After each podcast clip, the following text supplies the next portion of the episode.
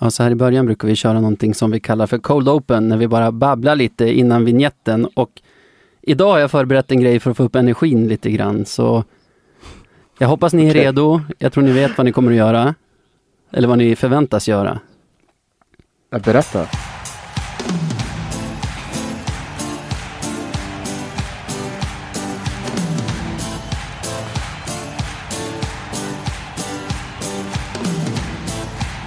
Na, na, na, na. Björklöven!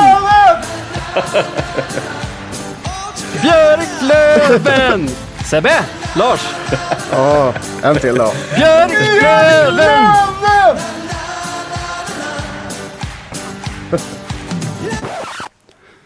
Ja, det var ju kul. Att ni var med på den. Shit. Lars såg direkt obekväm ut. Sebbe, du bara backade från micken och såg ut som du skrek. Nej, jag, jag tror att min chef hade blivit väldigt arg om jag jag suttit och sjungit med i, i sångerna faktiskt. Det tror jag inte hade varit så bra. En del tittare också tror jag. Kan hända, kan hända.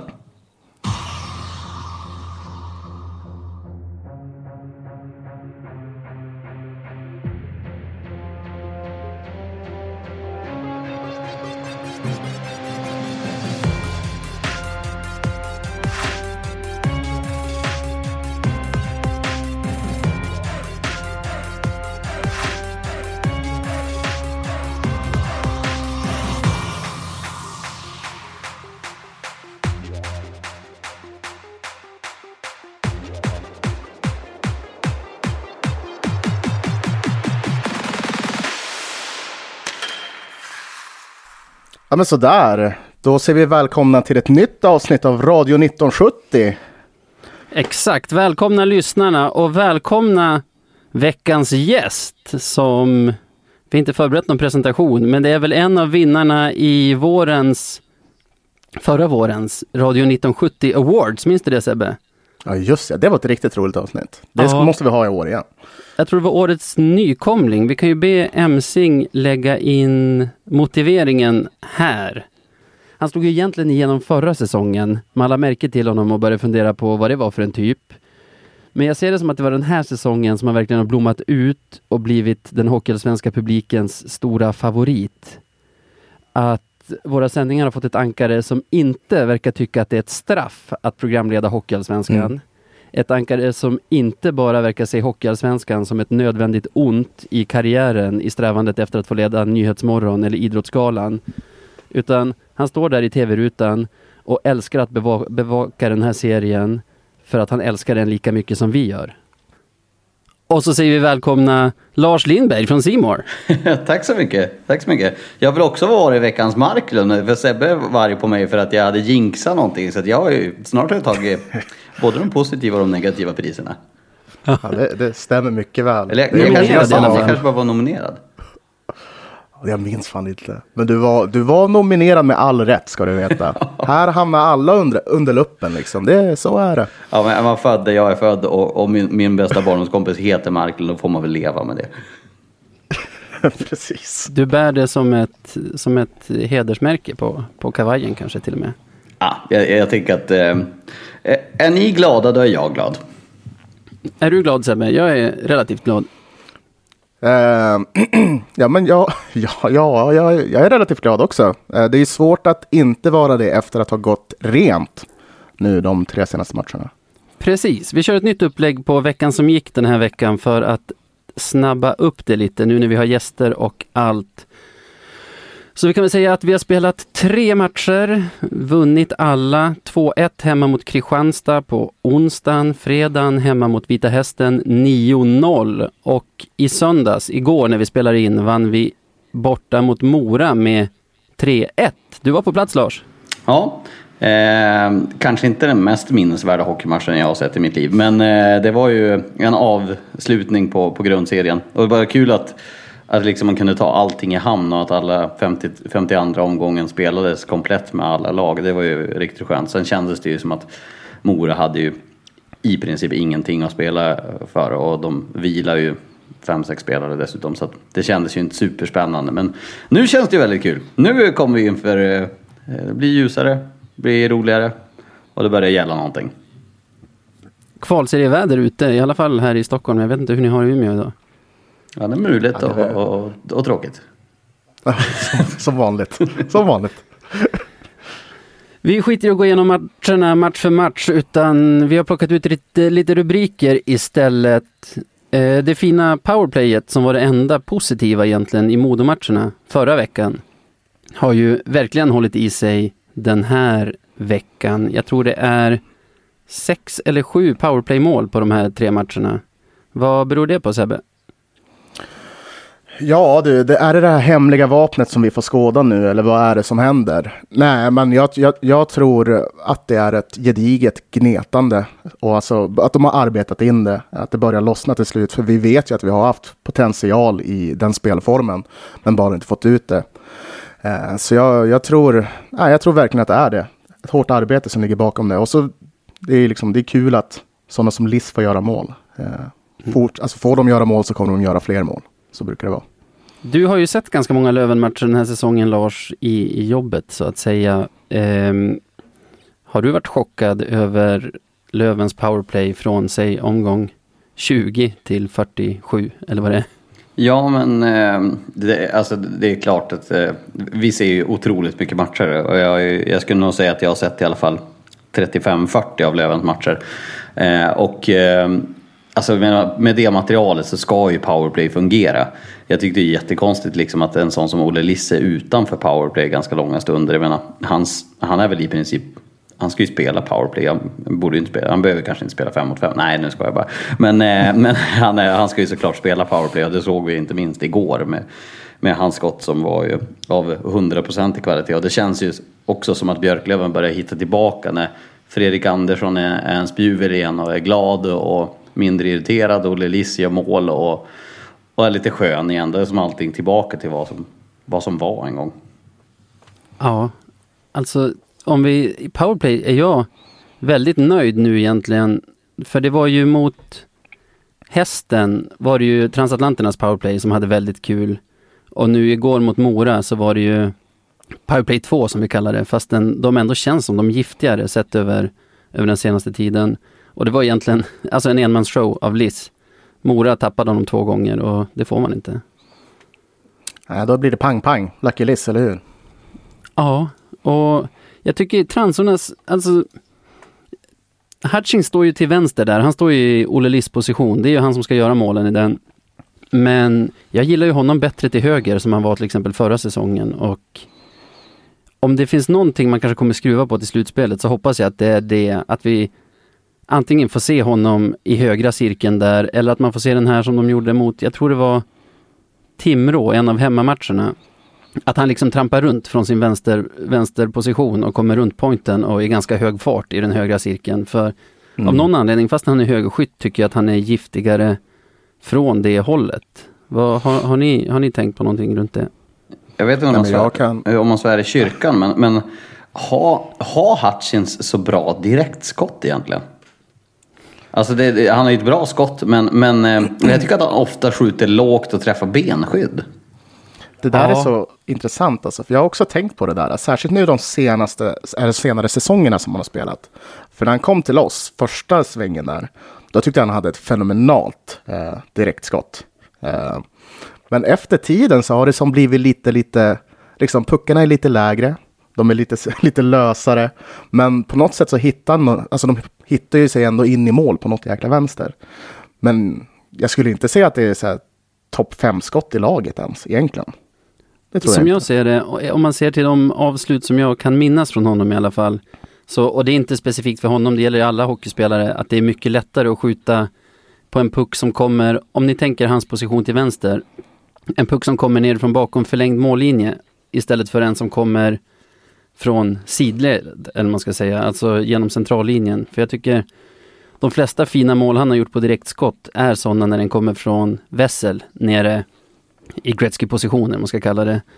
Jag, jag kan inte påminna mig nu, när Lars tar upp det, något mål han, han har gjort på ett direktskott som kommer, ja men en sån här listpassning, eller man ska kalla det. Alltså en sån Mm. som sticker rakt genom centrallinjen. Så jag tycker Hutchings, om man ska prata generellt om honom, nu kom ju han tyvärr inte upp i milstolpen 40 poäng den här säsongen. Han stannade på 39, han gjorde två poäng den här veckan hade behövt göra tre för att komma upp i 40. Så han tangerar sin näst bästa säsong i Hockeyallsvenskan. Men med hans spelstil och spela nästan en hel säsong med en center som Tyler Wessel, då tycker jag typ att 39 är lite lite, sett till mina förväntningar i alla fall. Va, vad hade ni för förväntningar på honom? Ja, nej men jag, jag kan väl hålla med. Det var ju en ultimat eh, kedja som vi hade där som har fått spela ihop sig i två säsonger nu blir det. Eh, det är klart att de ska kunna leverera mer, särskilt han som är en sniper. Det är det han tillför. Eh, Jättestort förtroende från Wallson också får man säga. Ja, ja, gud ja, gud ja. Det är väl bara, om man ska se det så, så är det bara Crandall som har fått möta bänk i den kedjan. Mm. Eh, så ja, nej. Det Hade är du ju... förväntat dig mer Lars? Ja, men det, det jag tycker med både, både Crandall och Hutchins är ju det att eh, de känns ju verkligen som de har verkligen gått och väntat på slutspelet. För att de har ju inte varit alls lika arga som... Jag menar, hur många gånger har man sett Hutchins arg den här säsongen? Det är inte jättemånga och, och han behöver ju vara förbannad och reta sig på någon och hålla igång käftanet både han, han och eh, Crandall. Och det tycker jag inte man har sett någonting av. Så jag, eller inte någonting är väl kanske lite hårt, men jag, jag Nej, tror men att det finns Mora och mycket mer. i stort sett. Ja. Och inte mycket annat. Nej. Jag köper faktiskt det. Jag tänkte på något mer med Hutchings, men jag glömde bort det. Du var på väg att säga något annat Sebbe, tror jag, när jag, när jag avbröt. Ja, men nu har jag redan glömt bort det, så det är skitsamma. men jag tror, jag, jag, jag tror dock att det, det ligger någon, nog nå- någonting i det där. Att jag tror att det är sådana publikspelare. De behöver, liksom, de behöver hettan som publiken kan tillföra. Och uh, utan det, ja, då blir det svårmotiverat. Om man inte möter typ Rasmus Kajlainen, då är det ju väldigt enkelt däremot. Sen hävdar jag att just Alex Hutchings är en spelare som vi som spelar i Allsvenskan ska vara lite glada att han, att han har sina dippar över säsonger. För skulle han en högre lägstanivå eller en jämnare produktion så skulle han kanske inte vara i Hockeyallsvenskan. Så man får väl ta det onda med det goda där kanske. Vad har vi mer skrivit? Wiklund nådde en milstolpe i alla fall. Hur många mål gjorde han den här säsongen Sebbe? Över 20. Ja, han gjorde ju Över två 20. mål va, mot hästen. Varav det första innebar hans andra 20-målssäsong i rad. Hade du tippat det Lars? Ja, men eh, jag trodde ju att han skulle få mindre powerplay-tid. Men det har ju visat sig att den där eh, rollen framför mål har ju varit väldigt svår att fylla. Nu har ju JT Brown kommit in och fyllt den i den andra uppställningen. Men, men eh, jag trodde ju inte att han skulle få chansen där eh, den här säsongen. Men, men det har han ju fått och det är ju, han gör ju faktiskt det bäst, det får man ju faktiskt säga. Verkligen. Du gillar honom Sebbe? Eh, jag älskar karln, tänkte jag säga. Nej, men eh, nej, han har haft en fenomenal säsong på, i målproduktionsmässigt. Han är väl den enda i den kedjan som har kunnat, alltså kaptenslinan då, som har kunnat producera hela vägen igenom. Eh, när eh, Selin och Freddan haft det tufft så hittar man ändå eh, Wiklund i, i protokollet. Eh, måste också ha slagit rekord för mest upp, alltså mål i tom, tom kasse, eller vad tror ni? Ja, det har han säkert. Jag tror han är uppe på fem, tyckte jag Johan från Löven Forever skrev när jag ställde frågan på Twitter härom sistens. Man kanske hunnit göra något till sen det också. Ja, kanske. Vad vet jag? Nej, jag tar också av mig hatten för Wiklund. Som supporter är det jättelätt att älska en sån där som dels vet vad han har för verktyg i lådan och alltså vad han har att jobba med och gör det bästa utav det och som faktiskt alltid ger 100 procent. Är han lätt att intervjua, Lars? Ja, nej, han är ju en, en av dem jag, jag vänder mig till för han är bra på att analysera och så kan det brinna i ögonen lite grann. Eh, Jag har en grej jag skulle vilja ta med den där kedjan förresten. Alltså en, en tes jag har lite grann. Jag tror ju att eh, Fredrik Andersson har ju kanske inte varit lika bra i år som han var i fjol. Och jag tror ju att nyckeln till det och anledningen är ju att alla de stormarna som har varit den här säsongen, att det har det har slitit väldigt hårt på Freddan. Att allting som har varit på sidan om, om rinken har kostat för mycket på honom. Alltså att det känns som att direkt är ett problem så vill han gå in och, och rätta till det. Och att han har tagit ett sånt otroligt ansvar. Jag tror att det har, det har tyngt honom ganska stora delar av säsongen. Att det har varit liksom för många eldar att släcka. Att han liksom vill, vill släcka alla i princip. Och det tror jag är en anledning till varför varken eh, han eller Serin kanske har fått den produktionen. Att det har varit för mycket. Det ser man ju på andra spelare som får ett, eh, som får ett C på bröstet och så helt plötsligt så klarar de inte av allt det som följer med att vara kapten. Jag tror att Freddan har tagit ett otroligt stort ansvar vilket har kostat mycket energi och, och dessutom kanske lite grann på isen. Ja, Och han har varit ganska ensam. Alltså, de vi förväntar oss ska vara ledarna i, i truppen är ju, förutom Freddan, Alexander Hellström. Och han har ju missat nästan hela säsongen på grund av skada. Mm. Det är Rahimi som också har missat mycket. Och jag tror med coronaprotokoll och så har de inte kunnat vara så mycket med laget överhuvudtaget under sina, under sina skador. Så det har säkert slitit på Freddan också att, att, att vara så pass ensam höll jag på att säga. Det vet jag inte vad det finns för andra informella ledare i, trupp, i gruppen. Men, men eh, alltså de som ska växeldra med honom har inte varit där hela tiden heller. Nej, vi har haft väldigt svårt med kontinuiteten eh, på våra ledande spelare på det sättet att de inte har kunnat träna. De har inte kunnat vara på hallen och och det, det, det, blir ju ett problem. Andra måste ju steppa upp då. Eh, och det är ju mycket som vi som portar brukar snacka om, liksom att folk måste steppa upp. Eh, och ja, det har varit svårt för dem.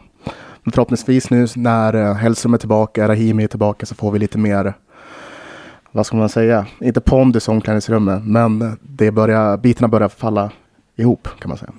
Jag började, jag började räkna lite grann, om, om man räknar liksom på uh, Rahimi och Plant började ju spela med varandra och gjorde det ju jättebra i, i början. Men när mm. Plant har missat 23, eh, var det 22 matcher eller någonting och, och Rahimi har missat 18, Polän har missat 18. Det är, ändå, det är ändå ganska viktiga nyckelpjäser för stabilitet som har varit borta ganska stora delar av säsongen. Och sen finns det ju andra som har, ja men som Hellström som har varit borta väldigt mycket också. Eh, så att det finns ju många förklaringar också till, till allting. Ja, mm. det gör det. Men en till sak i veckan som gick. En som börjar kännas extremt redo för slutspel, det är ju Olle Liss. Vi var inne på det lite förra veckan Sebbe, men mm. Den här veckan och framförallt igår skulle jag säga att det small. Ja, det, det gjorde det. Uh, Vad betyder det för Löven, tänker du? Oj, uh, hur mycket som helst. Ja, men verkligen. Uh, vi behöver en, en högfungerande Olle Liss om vi vill att vi ska ha två stycken powerplay som funkar känns det som. Uh, och om man kan sätta dit några puck, uh, puckar i 5 mot 5 så är det ännu bättre. Uh, nej, men jag har ju ändå tyckt att Liss har gjort det bra den här säsongen, även fast han kanske inte har gjort mål, för han har verkligen försökt liksom, att ändra sin spelstil och kanske passa fram när det har varit tungt för honom. Men eh, att han får göra mål, det är nog bra, bra både för honom och för laget.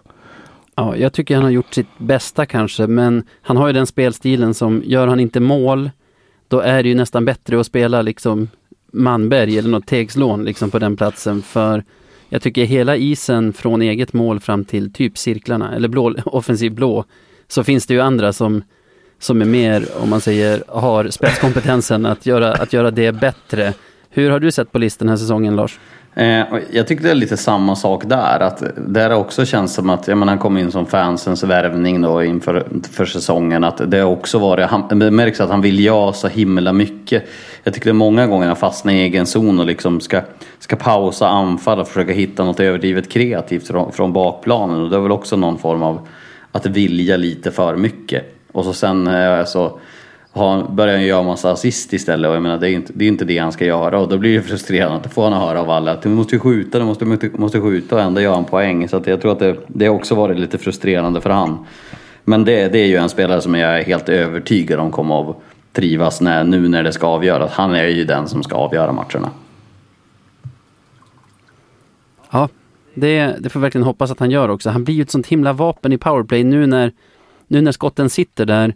Mm. För man kan ju som motståndare inte överbelasta åt det hållet heller, för han har ju visat egentligen genom hela säsongen att han har den här crosspassningen också. Mot Vita Hästen så serverade han väl Kalle Johansson helt öppet mål i powerplay ja, på, ja. på bortre stolpen.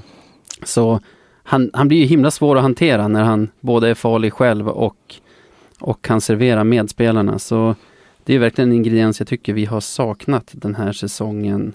Det måste vara skönt för honom också, tänker jag, att att känna att skotten sitter där nu alldeles inför slutspelet. Mm. Håller med. Ja, de satt ju bra igår, det, det går inte att sticka under stolen. Det var rätt hyfsad avslut. Jag tycker det var konstigt ja. att de tog av honom. Han gjort två liksom. Det var kvar tre minuter i, i spelet fem, och, fem mot fyra. Han kunde ha gått för trean också. Ja, Faktiskt. verkligen.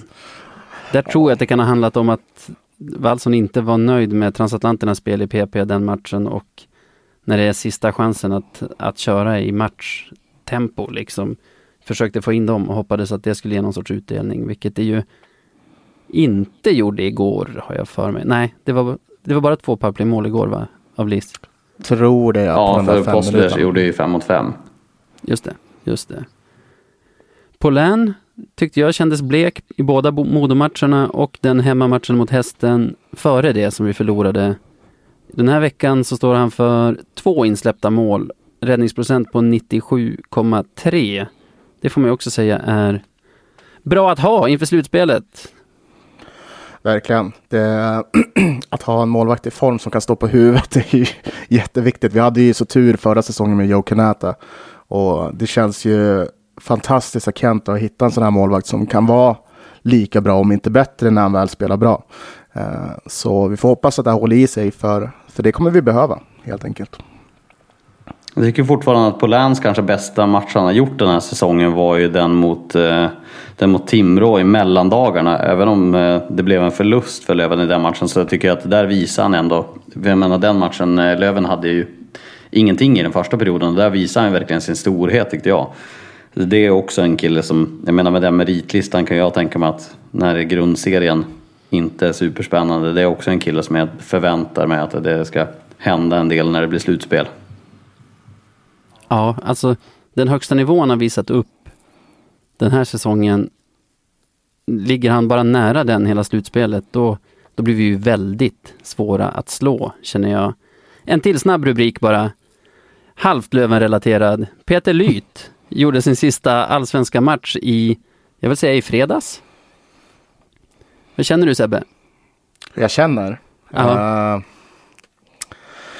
ja, du. Det här, när någon har slutat så har han ju slutat. Då, Ja, nej, men eh, det är väl eh, en fantastiskt fin karriär han har på, på, på det sättet att han har, han har varit med, även fast det har blåst så jävla mycket och varit föredöme för, för nya unga domare som, som ska komma upp. Eh, tyvärr så, så är bara minnet mot Bofors liksom fastetsat i mitt huvud. Eh, när han blåser när vi gör mål. Eh, så det blir bortdömt. Eh, men... Eh, vi kan ja, fylla in det- Lars där, så det, det är nog bara lövare som kommer ihåg det här. Ja, Eh, Peter Lyth blåser för blockering när pucken ligger i mål i en bortamatch mot Karlskoga i playoff-serien Ja, så hemskt alltså. 2015 och vägrar ringa för han menar att han ändå har blåst innan pucken är inne fastän videobilderna visar att de inte är det. Det kostade oss en sju mot Modo om SHL nästa säsong. Så att vi sitter här sex år senare och ältar det, det, det, handlar ju om Det är ändå härligt Vilket- det, vilken det är fest det hade varit. Gud alltså. Jag tänkte när jag såg att han la av, precis som du säger så här, stor respekt till dig Peter för, liksom, för din karriär, men inget är ju förlåtet.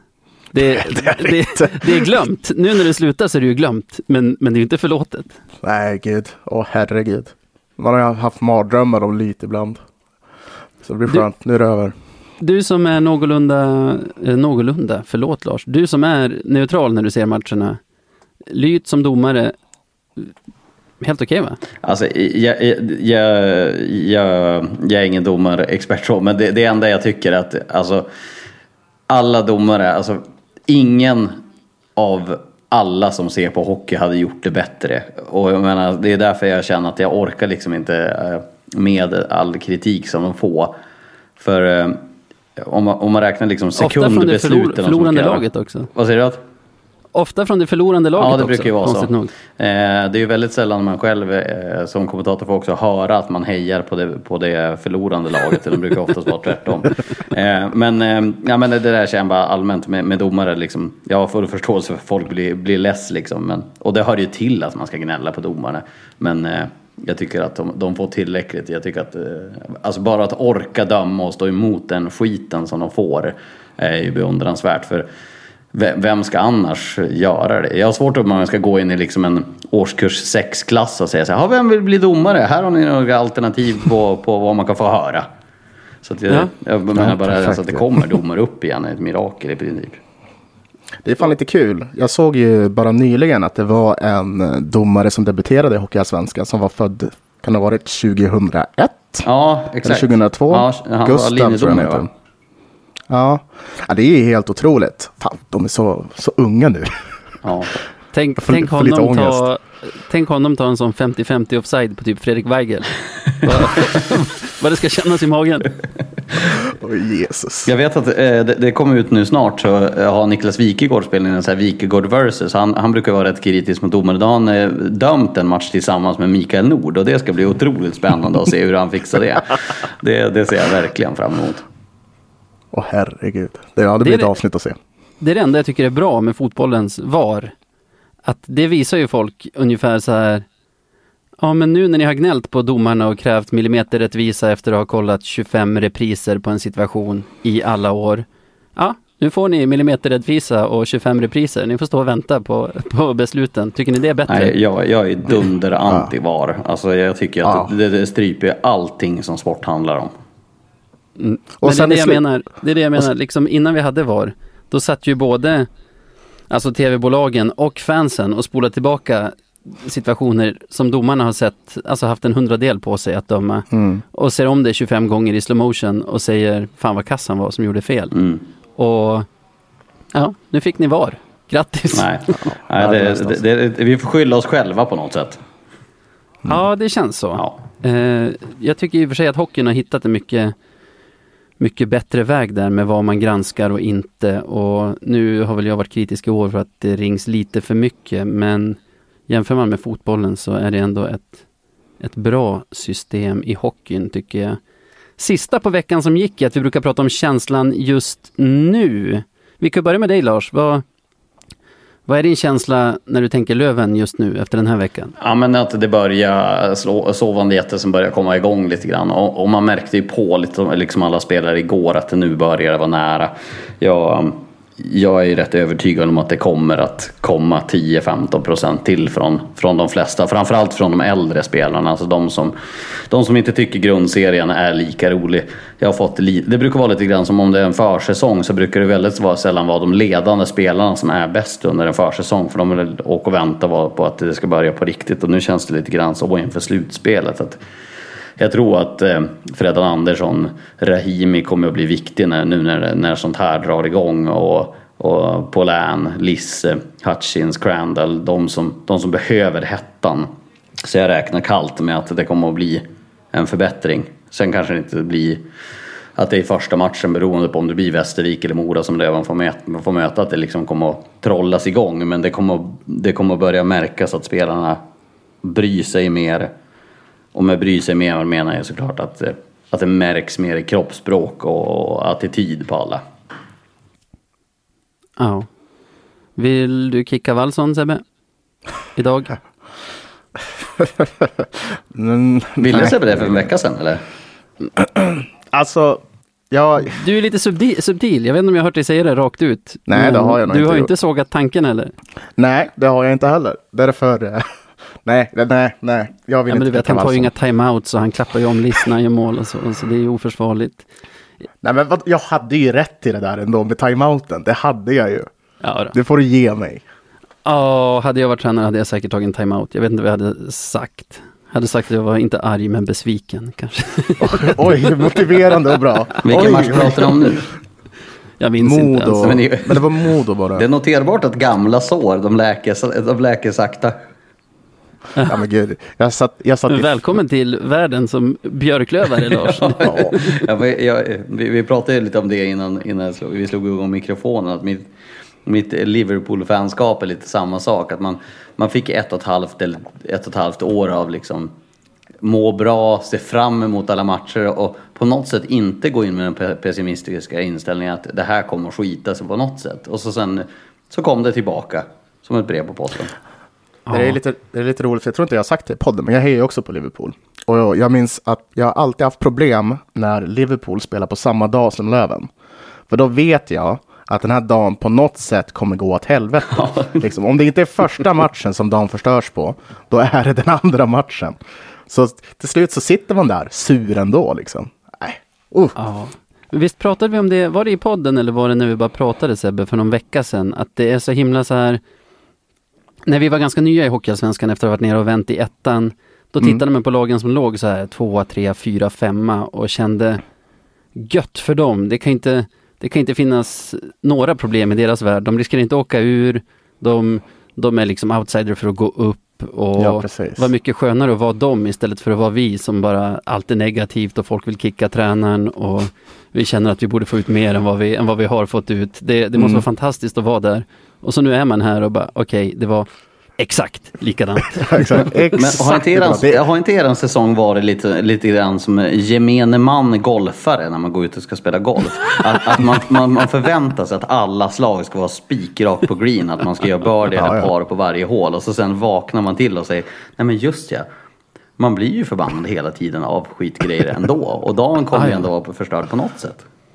Och att det Ja. kommer några hål mellan varven där du kanske prickar green från, från 10 och bara, ja men jag är så här bra, så här bra ja, är jag. Och Jag är oslagbar. varför? Varför tog jag förra par femman på 8?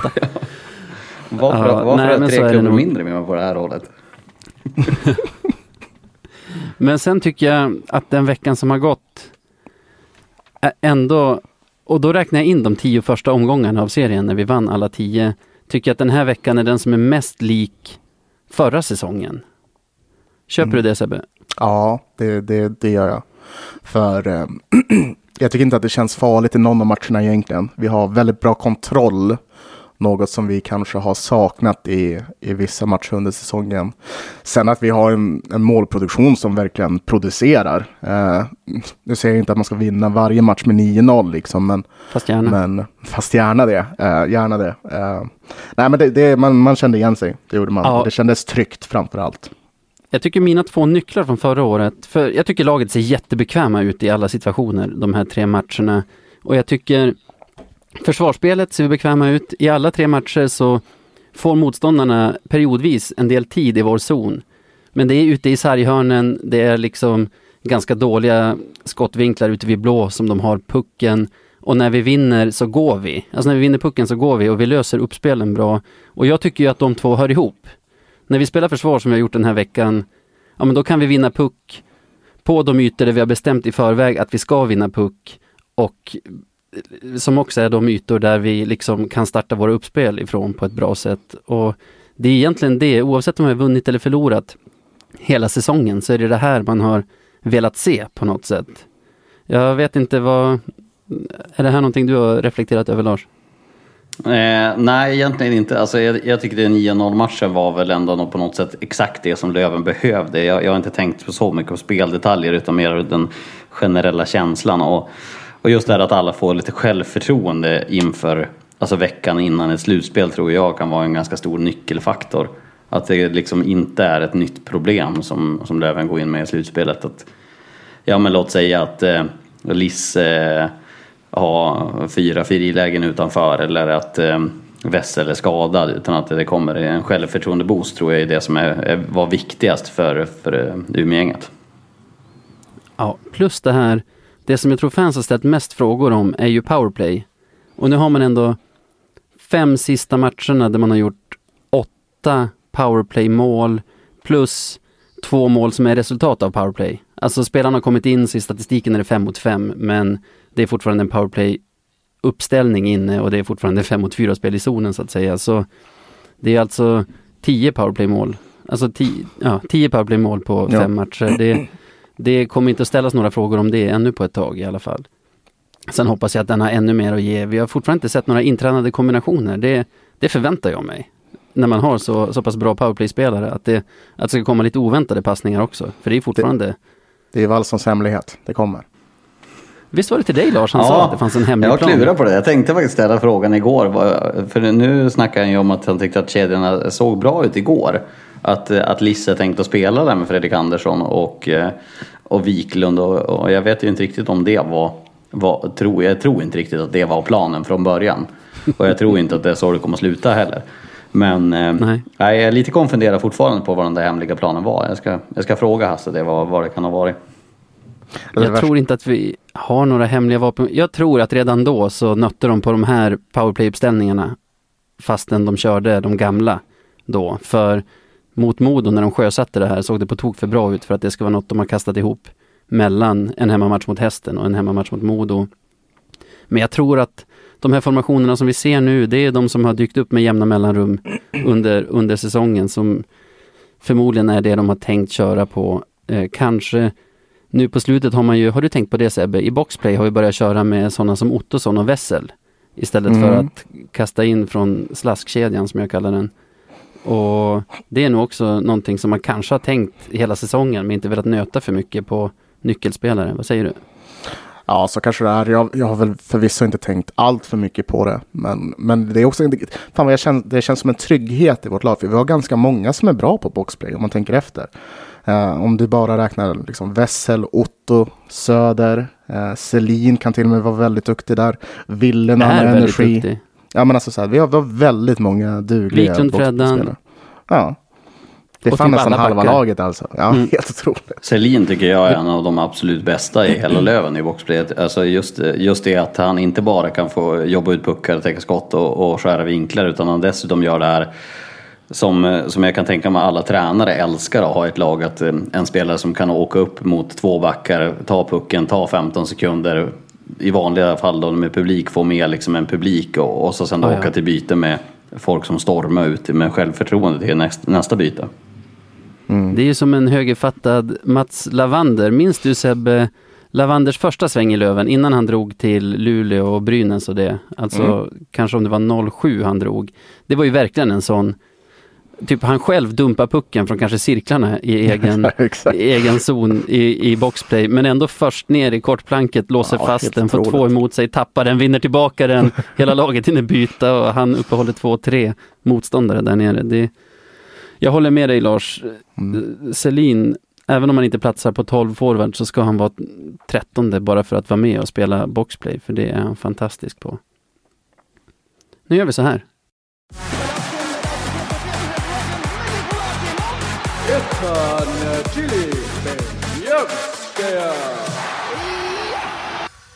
Du som kan ryska Sebbe, vad betyder det där? Oj, oj, oj. Det där betyder att det är dags för veckans Beljavski. Stämmer fint. Vi ska utse veckans bästa spelare i Löven. Jag tycker det är lite lättare att hitta kandidater den här veckan än förra. Vad säger du? Ja, det, det är det väl faktiskt. Man kan, man kan välja på rätt så många, men... eh, ja, jag har har, flera i jag har huvudet. en. Jag har en. Beroende på vad ni väljer. Men vi har ju en gäst, så jag tänkte att han ska få gå först här. Mm. Jag, jag kommer att välja någonting som jag tycker, eh, nu är jag lite bort i målet här för att jag tycker att det, det tillför någonting väldigt mysigt till, till eh, jag kan tänka mig de som tittar på, på Hockeyallsvenskan, inte bara Lövenfans utan alla som konsumerar det för att de är intresserade av hockey eller ser för att följa matcherna för andra lag. Det är att Fredrik Andersson gör en Ja men kommer ut och är lite sådär skön. Jag, jag, menar, jag minns ju när, i fjol när han hade den här intervjun när, när hans brorsa fick stå på bortastå för att det var omöjligt att få en vanlig biljett. Och Freddan är ju fantastisk på det att, att bjuda på en bra analys men också komma med, med någonting eh, finurligt, fyndigt och någonting som folk verkligen jag tror vi blir genuint glada över det. Jag blev väldigt glad över att sitta och, och lyssna på vad han sa i intervjun efter matchen igår med att Eron hade bjudit på pizza och att, han, att han var allmänt lite förvirrad. Det kändes som att han hade glömt bort att han hade spelat matchen men han var kanske var lite trött. Men det tyckte jag var, jag tror det är viktigt att ha honom på, på glatt humör, att han kan se glädjen i, i mycket och att det inte kanske bara är saker som tynger hans axlar. Så det tyckte jag var väldigt kul. Så ja, det blir väl min nominering då. Ja, väldigt populär i gruppen också. Han gjorde ju mål, han har inte gjort så många mål den här säsongen, men gjorde ju mot hästen ett ganska viktigt, om det var 2-0 målet. Och man Mm. ser hur glada lagkompisarna blir när han gör det. Tänkte du på det Sebbe? Ja, jo, lite grann. Uh, nej, men jag tror det är jätteviktigt för honom. Eh, som sagt, han, han bär ett stort lass och att kunna få göra ett mål i ett viktigt läge, det är nog guld värt för honom. Eh, Kommer han igång, kommer upp på förra säsongens nivå spelmässigt, då är jag nästan inte ens orolig för, för slutspelet. För det har ju varit en regel egentligen de senaste fyra säsongerna att när Freddan är bra, är Löven bra. mm. Så det är ju, eh, som Lars säger, han har nog varit tvungen att fokusera på väldigt mycket annat den här säsongen och kanske inte fått ut det spel han har velat. Du hade en annan nominerad tror jag. Ja, det, det har jag. Jag. Men nu sitter jag och velar, för jag blev lite eh, tagen av det Lars sa om personligheter och sånt. Så jag kanske kör min, min eh, som poppar upp i huvudet alldeles nu. Så du hade en, men Ja. du hatar den personens personlighet. Så, Nej, så nu nej, måste du byta till någon nej. annan. Nu, nej, nej, nej, nej, lugn nu. Eh, nej, men jag tänkte på det där. Och en som jag tycker har, har kommit in och nog gjort det fruktansvärt mycket lättare för eh, spelarna att vara hockeyspelare är ju Nikolaj Belov. Eh. Med tanke på hur, alltså små, det är sådana små saker, så här, hur glad han blir när någon gör mål och bara håller på att d- dumma sig på isen typ. Ja. Jag tror det kan vara extremt viktigt för att få ihop gruppen och bli ett bra slutspelslag. Så vad fan, jag såg han göra någon gest nu när någon annan gjorde mål, så varför inte Belov? Okej, vad svårt ni gör det för mig. Jag gillar ju också Belov såklart. Det, han verkar vara den här personlighetstypen som är rolig genom att bjuda på sig själv. Alltså Ja, bete sig lite töntigt och, och så för att, för att få garv av de andra. Och jag tror den punkten av säsongen när han kom in var det ganska viktigt att få in en sån clown i båset också. Hur, har, du, har du fått intervjua honom någonting då? Nej, jag tror faktiskt aldrig gjort det. Men det är lite roligt med Belov att han pratar ju varken svenska, engelska eller i princip heller ryska. Så det, jag, jag, jag tror inte han pratar något språk egentligen. Han säger som bara ljud och så blir det roligt på något sätt. Jag vet inte riktigt hur man ska få ihop det. Men alltså, jag, jag, på något sätt så låter det ju inte riktigt som ryska heller. Det låter bara som att det kommer ut en massa ljud. typ vokaler som bara slängs ihop på något sätt. Men jag vet inte riktigt. För det verkar ju som att han, han förstår ju väldigt mycket vad alla säger. Men det, det är ju ingen som förstår någonting om han. Men han är också en sån som man förstår utan att förstå honom på något sätt. Ja, Det känns lite så faktiskt. Åh, gud. Härlig karaktär. Eh, hörde ni eller såg ni? Sebbe, du såg väl det? Vi hade en språkskola här i podden för några veckor sedan Lars, där Sebbe lärde ut ryska för att, ja, på grund av Belovs bristande svenska och engelska helt enkelt. Och Stefan Lindgren, han som brukar vara speaker på Lövenmatcherna, skrev på Twitter att det hade skrikits Davaj Belov från, från läktaren när han hade varit inne i någon av hemmamatcherna. Vilket betyder vad då Sebbe? Eh, kom igen Belov, betyder det. Är inte Belov du är bäst? Nej, nej, nej, nej. nej. Det, var, det var något annat som jag har glömt bort. Kan, kan, kan det vara så att Sebbe har själv eh, översatt det här? Ja, det kan det vara. Det Ja, säger jag vi inget på om. dig. Jag litar Ja. på dig Sebbe när det kommer till ryskan. Ja, det är bra. Vad svårt det blev för mig nu då. För jag tänkte om ingen av er tar om ingen av er tar eh, Wiklund så tar jag honom. Men om, om någon av er tar Wiklund så tar jag Liss istället. Och om ni skulle ha tagit de två hade jag tagit Wessel. Nu, nu, nu sitter jag helt plötsligt med en hel hand med kort här. Eh, men då, Du är inte sugen på Polan med 97,3 procent i veckan? Jo, den, det är ju en outsider. Kanske före Wessel till och med. Som jag tyckte, Wessel tyckte jag var grym mot hästen. Men det tycker jag ändå att Wiklund var också. Och jag vill nog nominera Wiklund ändå. Det, nu, nu fick jag den känslan så då gör jag det. Två Mm. plus två mot, mot hästen. Och att en spelare med hans spelstil har två säsonger i rad med 20 plus mål. Det tycker jag, jag tycker det är otroligt. Jag, jag höll på att skrika nu, jag älskar honom. Jag, jag uppskattar honom väldigt mycket som spelare och jag är väldigt glad att han är i vårt lag och inte i något annat lag. Så det är min nominering. Vem ska vi utse? Ja du. Hmm. Nej, men jag, kan- jag kan känna för Fredrik Andersson ändå. Ja, faktiskt. Jag tycker det, det vore... Han har inte fått så många år va? Kanske vore på sin Ehm, plats. Ja, precis. Han har fått en tror jag. Någon av oss måste sätta oss och gå igenom alla nomineringar och utsedda efter säsongen så att vi kan, så vi kan utse en vinnare. Jag tänkte säga det, borde det inte finnas en säsongens eh, Beliavski i så fall? Jo då, vi, vi har ett system där med hur man får poäng. Det är bara att ingen av oss tror jag har fört bok över Nej. vad vi har sagt i podden. Så vi har väl en 30 avsnitt att gå igenom. Men jag håller med dig. Jag tycker att har man en gäst så är det den som bestämmer. Och, och nu är det Fredrik Andersson som är veckans Beljavski. Vi säger grattis! Kul! Grattis!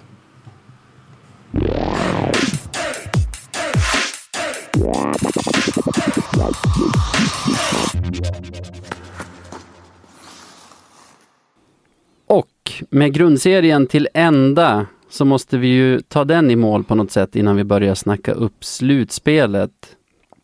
I köriset står det vad, har varit- vad har varit bra, vad har varit dåligt, men det går väl snabbast först att prata om vad som har varit bra, eller? Ja, jag tror det. Jag tror det. vad har varit bra då? Jag tycker vi gör... Fan, det är lätt. Jag tycker det är lättare att prata om det dåliga. Ja, ja. Det var därför vi startade den här podden också. Men Exakt. det, vi har ju haft ett ganska bra målvaktsspel egentligen. I Jo. alla fall när vi har haft vår...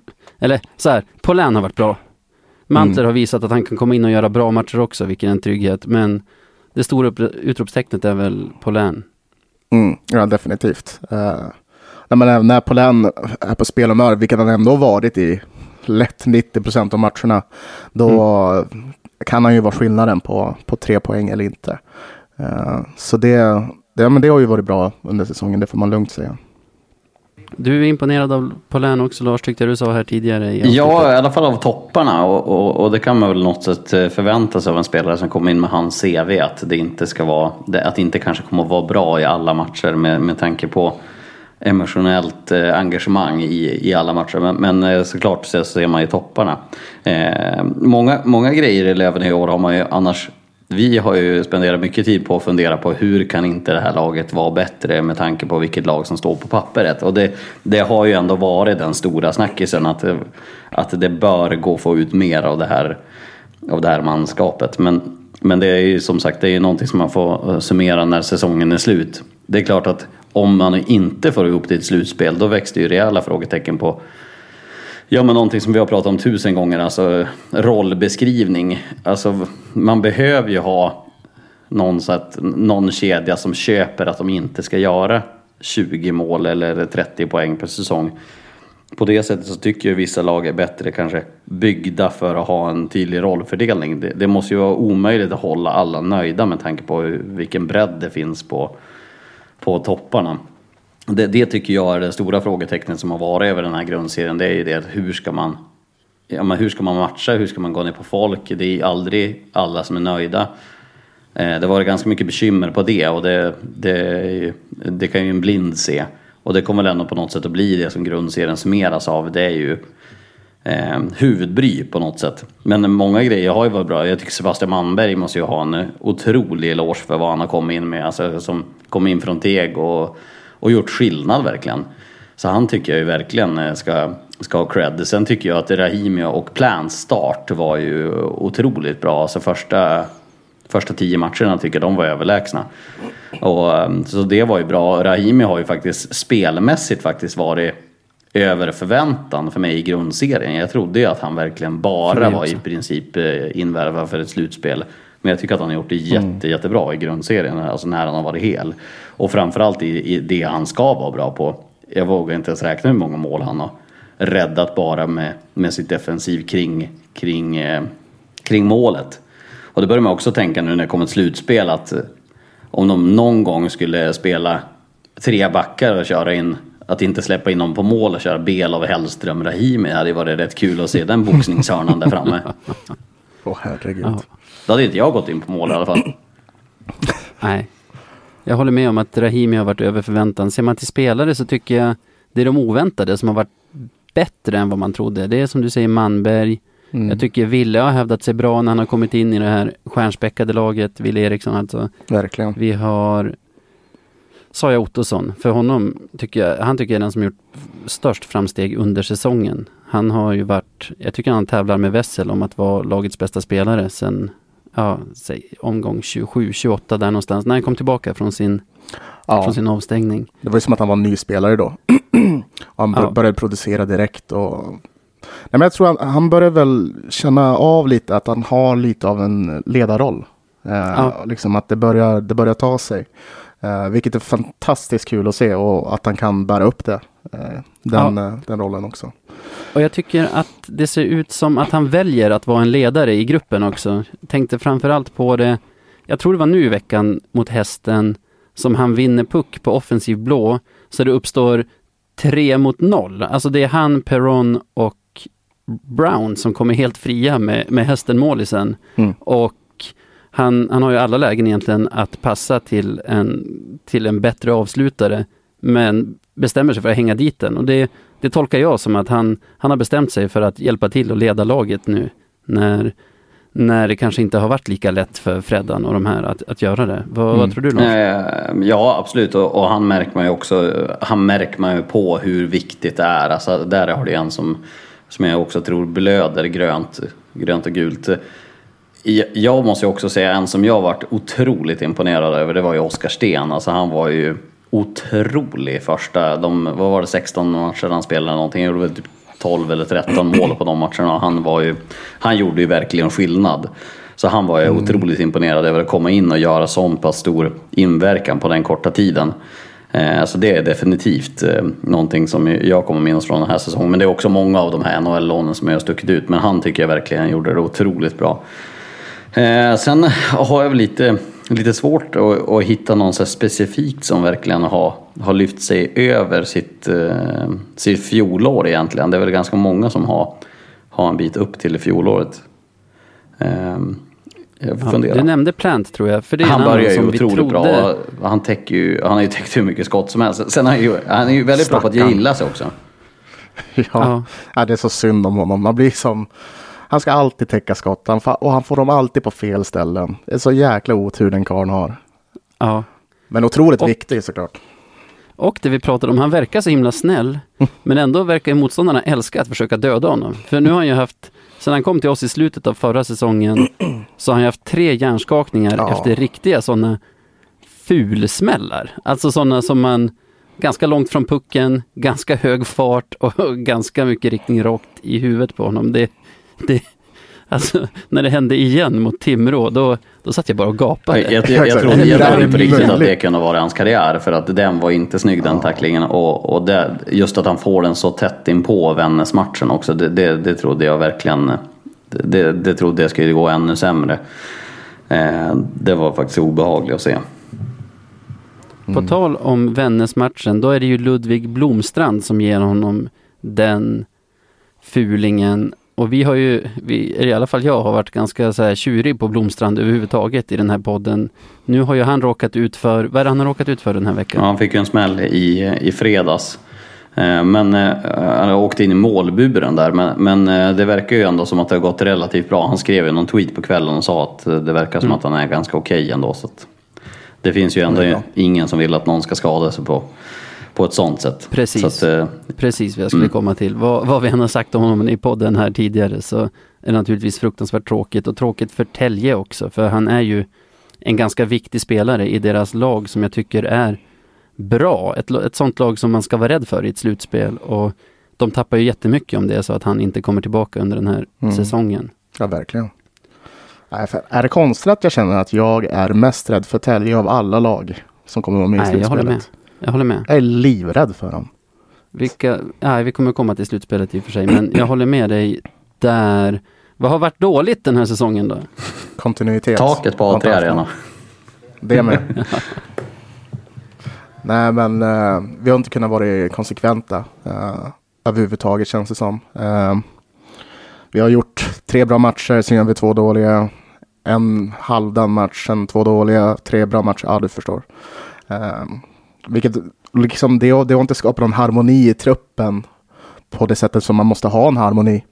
Sen så har vi haft otur med skador och allt möjligt, men, men skitsamma. Man måste kunna liksom prestera några matcher i rad för att kunna få ett lugn i truppen. Och de inte Det är ju också på minussidan dock skulle jag säga, alla skador. Ja, jo, det- absolut, absolut. Det är någonting som har stört väldigt mycket. Men nej, jag håller med. Alltså inte konsekventa i sina prestationer. För de glänser till. Det kanske du också har sett Lars, att ibland gör de matcher som man känner så här, ja men vad skönt att se. Vi, vi är det bästa laget i den här serien. Och sen möter man Väsby. Och man bara, vad, vad är det för korpgäng man håller på? Har, har du sett den ojämnheten? Men någonting som jag, eh, jag inte blir klok på det, det är ju när man, man ser topparna. Jag, jag, minns, eh, jag minns en match, det var eh, Björklöven-Karlskoga, det var kan det här vara? Det måste ju ha varit typ i november eller någonting. Då hade Björklöven 7-1. haft en ganska dålig period och så kom de in och mötte Karlskoga och kör över dem alltså fullständigt. Jag minns inte vad det blev, om det blev 6-1 eller något sånt där. Men, och, och då såg man så bara oj, var vart var det här laget de matcherna innan? Men det tror jag ju också är en, för- ja, det är ju en naturlig förklaring med, med allt vad den här säsongen är och att grundserien inte betyder lika mycket och sådär. Men, men det är klart att jämnheten har ju inte varit, den har inte varit där. Nej. Och där, jag brukar vara försiktig med att ifrågasätta folk som kan sitt jobb bättre än vad jag kan deras jobb. Men jag känner med, med ledarskapet där att har man satt ett spel ordentligt så att det sitter i ryggmärgen på spelarna ska det inte behövas den där extra motivationen av att möta Timrå eller BIK Karlskoga för att försvarsspelet ska vara likadant som det är när vi spelar bra, att spelvändningarna ska gå lika automatiskt som de gör när vi möter bra lag.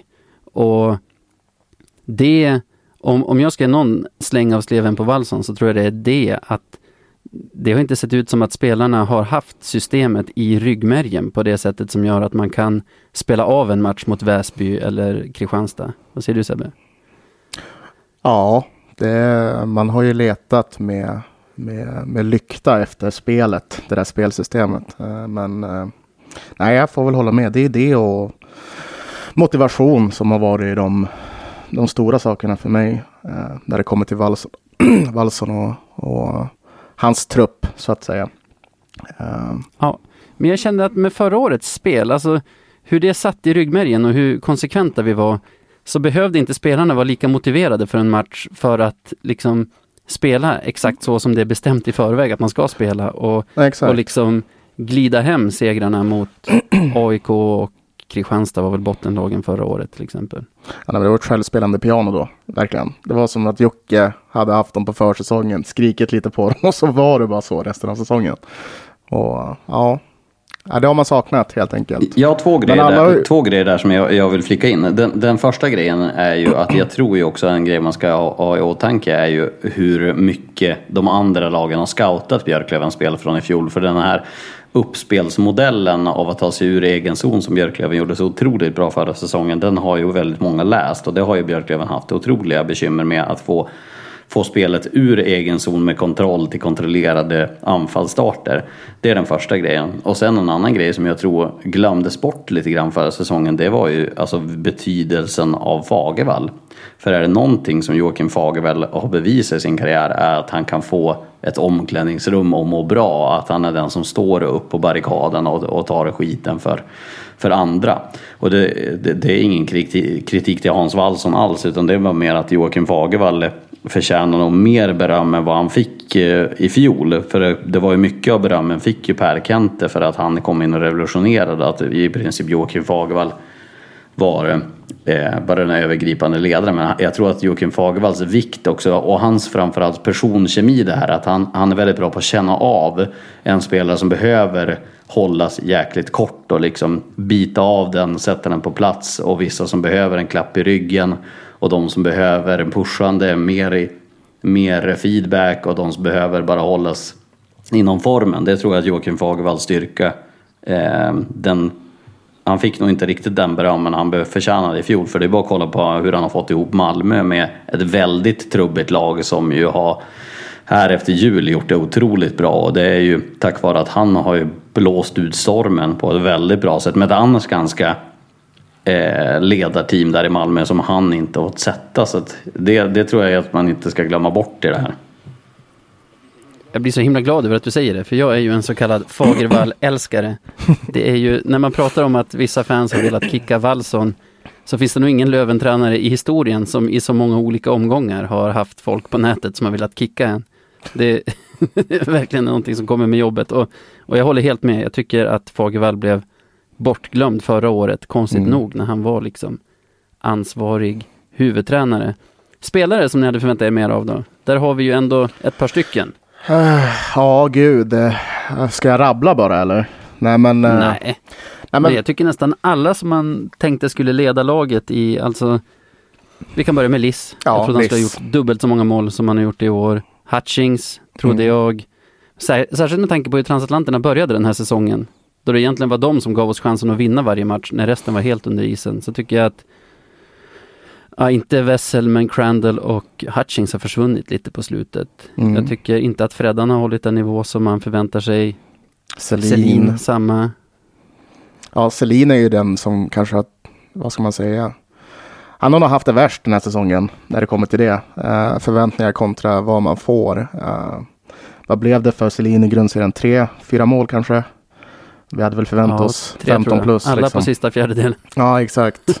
Han har haft en tung säsong, helt klart. Ehm, Sen har jag känt så om Dalert också stundtals, men sen när man kollar så här poängsummeringen i slutet av en match så, så har han varit där och lagt mackan fram till Mm. Perron till exempel som, som avgör och det är ju Början av förra säsongen var absolut ingen doldis. Då var han ju en stjärnback, alltså Jo, en, jo. en riktig sån drömback att ha. Men hela den här säsongen har liksom smugit och varit ganska bra. Alltså när man pratar med folk så är man så här är man på väg att säga jag är lite besviken på Dalert också, men så tänker man, nej fasen, alltså det, det är en extremt jämn leverans av honom, så jag vill nog inte lägga in honom där. Jag försöker tänka om det är några på backsidan. Jag, jag Kalle Johansson och Ja. Norbe kom ju med jättegoda vitsord. Det sades att Norbe hade spelat i HVs powerplay förra säsongen och folk från Oskarshamn och så som hade sett Kalle Johansson sa ju att där har ni er bästa back den här säsongen. De har ju varit, i alla fall Kalle Johansson tycker jag har varit bra, men ja, man trodde att man skulle få en världsmästare nästan. Vilka spelare har du varit besviken på Lars i Löven? Jag, försöker, jag satt och funderade lite grann nu när ni pratar. Det är bra att fundera ibland. jag gör det så sällan. eh, nej, men, eh, någonting, vi, vi någonting jag känner lite grann. Det är väl egentligen ingen som man kan peka ut att den här har verkligen varit jättedålig. Utan det har bara snarare varit att alla har haft 15 procent som saknas. Alltså, jag, jag menar, för mig är det ingen som sticker ut så här att den har varit dålig. Utan det är väl bara det att man har förväntat sig att alla ska vara lite, lite bättre. Det med Norbe till exempel, han, när han var i, i Karlskrona så var ju han en ledande back där.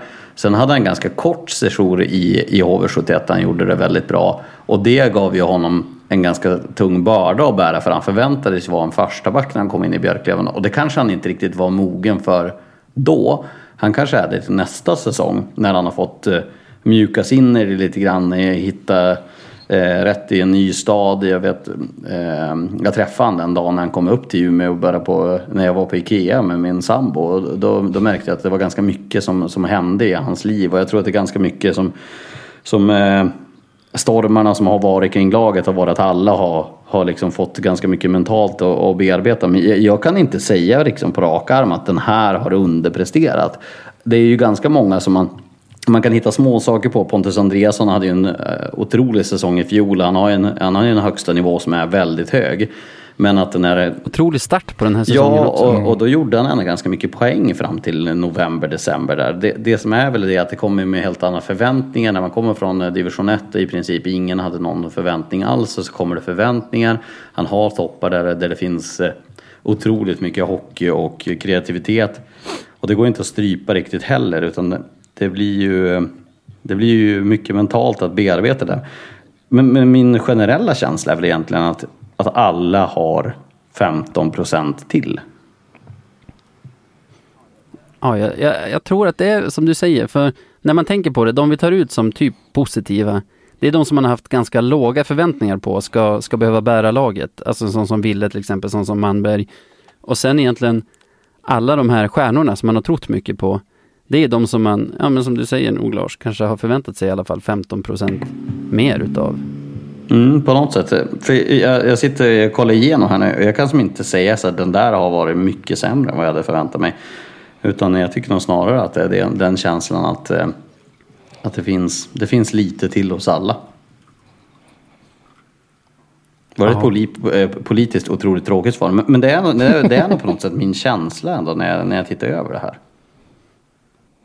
Jag hade nog inte förväntat mig heller att du ska sitta och säga om någon som du kanske ska intervjua om en vecka här, den där jävla sopan kan, kan dra åt skogen. Nej, men jag tycker ändå att alltså, är, är, det, är det någon som har, har betalt för att vara en dunderstjärna då, då tycker jag att man ska kunna ställa förväntningar på dem också och man måste kunna skilja på prestation och person. Men eh, jag kan som inte se någon som jag, som jag verkligen Alltså där det finns en anledning att dundersåga liksom. Utan det är mer, mer det att en generell känsla att det finns lite till hos alla. Jag håller nog med om det. Dock, en utav stjärnorna som vi glömde nämna som positiva, men som vi har pratat om hela säsongen nästan, är ju Tyler Wessel. Mm. Han var ju bra Ja, förra säsongen, smart spelare över hela banan, men den här säsongen har ju öppnat upp registret och vi pratade för någon vecka sedan om att hans skott försvann lite med den här armskadan där Mm. i januari. Vi fick ju ändå lite svar på det mot Karls, nej förlåt, mot Kristianstad här i, i veckan när han stänker upp den i bortre krysset från nästan blå i Vackert. powerplay. Sen tar ett litet snack med, med Kristianstad-bänken också. Ja, men han har verkligen, eh, jag ska inte säga överpresterat för det har han ju inte, men, men han har eh, öppnat en helt ny dimension med, med att vara en målgörare. För det såg man verkligen Ja. inte komma baserat på förra säsongen. Så ja, det är kul. Jag, fan, jag gillar Wessel riktigt mycket. Eh, han har haft en bra säsong. Du som är ung också följer honom på TikTok. Lika stor stjärna där. Varför gör Jag varför gör du frågade så här honom om det igår faktiskt. Gjorde du? Ja, för, för att jag minns, vi tog med det där någon gång och så sen då av någon otroligt idiotisk infallsvinkel så försökte jag efterhärma det där eh, dansen och det, det är ju sån här jag skäms över så mycket som jag kom på i stunden. Eh, det är ju nackdelen när man har röster som skriker att gör det här, gör det här och så sen inser man att man ibland gör det när man bara borde strunta i det. Men eh, då sa han det att ja, men han körde det lite fortfarande men att han, eh, han hade väl kanske inte energin att, att eh, eftersöka fame på TikTok direkt. Han, han ska nog hålla sig till hockeyn. Det, det tror jag. Ändå perfekt nu i pandemitider.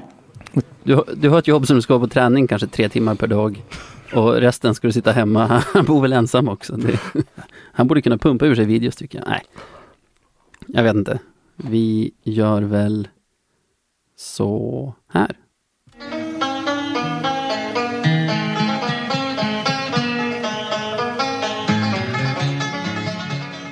Veckans Marklund.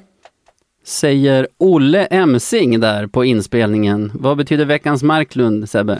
Jo, det betyder att vi ska ut, utse den som har varit mest klandervärd under den gångna veckan. Eh, ett- Jag har lite glömt bort att förbereda mig för det här, så jag hoppas ni har bra kandidater. Vi börjar väl med Lars. Eh, ja, jag, satt och funderade på det där också. Jag hade inget riktigt bra svar. Eh, men men jag, jag kom på en som eh, ju blir lite märklig nu. Men jag kanske får nominera Fredrik Andersson där också. Eh, Oj, över det eh, märkliga uttalet att han, att han uttalade, uttalade Vesuvio. Vesiluvio. Va? Nej, men jag frågade vilka pizzor de var. Då sa han att de hade en Vesiluvio. Det tycker jag var märkligt. Att man är, som svensk inte, inte har koll på att det heter Vesuvio. Det, är- jag vet inte, man bara stressad. Extremt ja, det var väldigt oklart. Jag kom liksom inte med något bättre. Så jag vet inte. Jag, jag tror jag stryker mig själv i den här frågan. Nej, men det är en bra nominering. Det är Jag kan inte jättebra. ha folk som springer runt och säger Veseluvio. Han är väl dessutom stammis där på Gröna Älgen. Har inte de, har inte de Vesuvio? Det tror jag definitivt att de har. Eh, Men framförallt så har de, har de ju hans signaturburgare. Det kan man testa om man Ja, vill. just Har en det. egen? Just det. det är det. Vad sa Har du? han en egen? Jajamän, Il Capitano. Döpt efter honom. Jag har själv inte testat den men eh, den sägs vara väldigt god. Men Bra, då har vi en nominerad Ja, i alla den, fall. den är svag. Den Vad- är svag. Kan vi, kan vi ta någon av era på den här känner jag rent spontant. alltså, Jag är inte säker på att jag har någon. Nej. Det beror på vad Sebbe säger här. det här är också, jag har haft jättesvårt. För det är extremt svårt att hitta eh, en Marklund när man har spelat relativt bra. Det har inte hänt några stora skandaler liksom. Det, sk- Tog Wallson någon timeout i veckan? det behövde han inte göra. Jag, nu är jag helt med på Wallsons sida här. Det behövdes Klappade inte. han om Liss efter målen igår? Jag såg inte. Det hoppas jag. Det hoppas jag. Nej, nu kör vi. Nej, Förlåt. men- Trams. Alltså, jag vet inte, det är många som har, som har gormat på sociala medier om, eh, om de här eh, två matchstraffen mot eh, Mora. Jag är väl av... Eh, jag vet inte. Jag, jag, jag kan till och med tycka att den första som är den här tacklingen i, i ryggen ish, eh, eller hur? Mm. Det är nog lite väl... Det är nog inte ens matchstraff på den, utan det är bara en väldigt hård tackling. Men eh, ja, jag vet inte. Det skulle väl vara Måns Karlsson, för han råkar ju faktiskt elbowa eh, någon i ansiktet där. På veckans Marklund Carl får det vara vem som helst. Det, be, det behöver inte vara någon specifik till Björklöven. Ja, Ja, men absolut. då, då har jag en nominering. Ja, Eh, jag tycker att eh, Rafael Lavois, som går in inför näst sista omgången för ett Väsby som ska göra ett kval. Han är den viktigaste spelaren kanske i deras offensiv och så drar han på sig en tre matchers avstängning så han missar de två första kvalmatcherna. Det är ju inte, inte supersmart. Och visst är det så, om det är de bilder jag har sett så är väl situationen nästan över när han söker upp killen för att liksom börja slåss. eh, och jag vet inte om han hade, om topplocket gick eller om det bara var, bara var att han eh, att han inte förstod vikten av att det skulle bli avstängning på det. Men, men det känns ju ganska slarvigt att göra inför ett, inför ett viktigt kval. Ja, otroligt orutinerat. Framförallt. Det, att det, ja, det, det är för dumt. Alltså, jag skulle vara vansinnig. Om Väsby skulle ha supportrar så skulle väl de vara vansinniga på det där beteendet. Och då spelar det ingen roll hur mycket han har gjort för dem under säsongen. Det, de hade kunnat ta noll poäng under hela säsongen det, och ändå vara i den sits de är nu när det ska avgöras om de spelar i Allsvenskan eller inte nästa säsong. Ja, Nej, vad bra. Den enda jag hade tänkt på var också armbågen i huvudet på Kalle Johansson. Jag tyckte det, det är så här, men vad onödigt. ja exakt. Det Alltså var han är på väg att passera och bara sätter upp armbågen i ansiktet. Förmodligen är han lack på honom för han fick ju en high sticking framför Lövens mål Mm. som var på Kalle Johansson. Och jag vet inte varför man ska hämnas på någon som man har slagit nyss. Men, men det kändes som att han, att han bara ville markera så här, din jävel, satte upp armbågen. Nej, det, det kändes Ja, den var, den var kändes- bara onödig liksom. ja, Ja. väldigt dumt. Dock såg jag att ingenting från gårdagen anmäldes till disciplinnämnden idag, eller efter matchen. Så det är väl vad det är med det. Jag ställer mig helt bakom Lavois. Lavois. Ja, Ja, visst. Lavois. Du låter inte övertygad. Lo- Jag är inte. Nej, men det, jag, jag, jag är övertygad. Jag är övertygad. Du vill kanske smyga in Sanny Lindström här. Ja, Tänk det på att vill det är en kompis Vad jag sa ni faktiskt nu sagt då? Nej, men han säger alltid saker. Jag vet, det går inte en dag Lars, utan att han ska hålla på och säga någonting som jag inte håller med om. Men, men det är ju faktiskt så här att, det, det, jag vet inte om vi ska komma in på det här med Harald-debatten, men det är ju faktiskt att deras jobb är ju faktiskt att tycka saker. Och och jag, eh, orkar inte jag försvara för han har hackat på mig så mycket. nej, ja, Sanne är jättefin. Men, men, eh, nej, men, men Harald kommer, för, han kommer ju försvara till, eh, till dödens ände och, och framförallt med tanke på hur jag vet hur otroligt mycket han talar väl om Löven.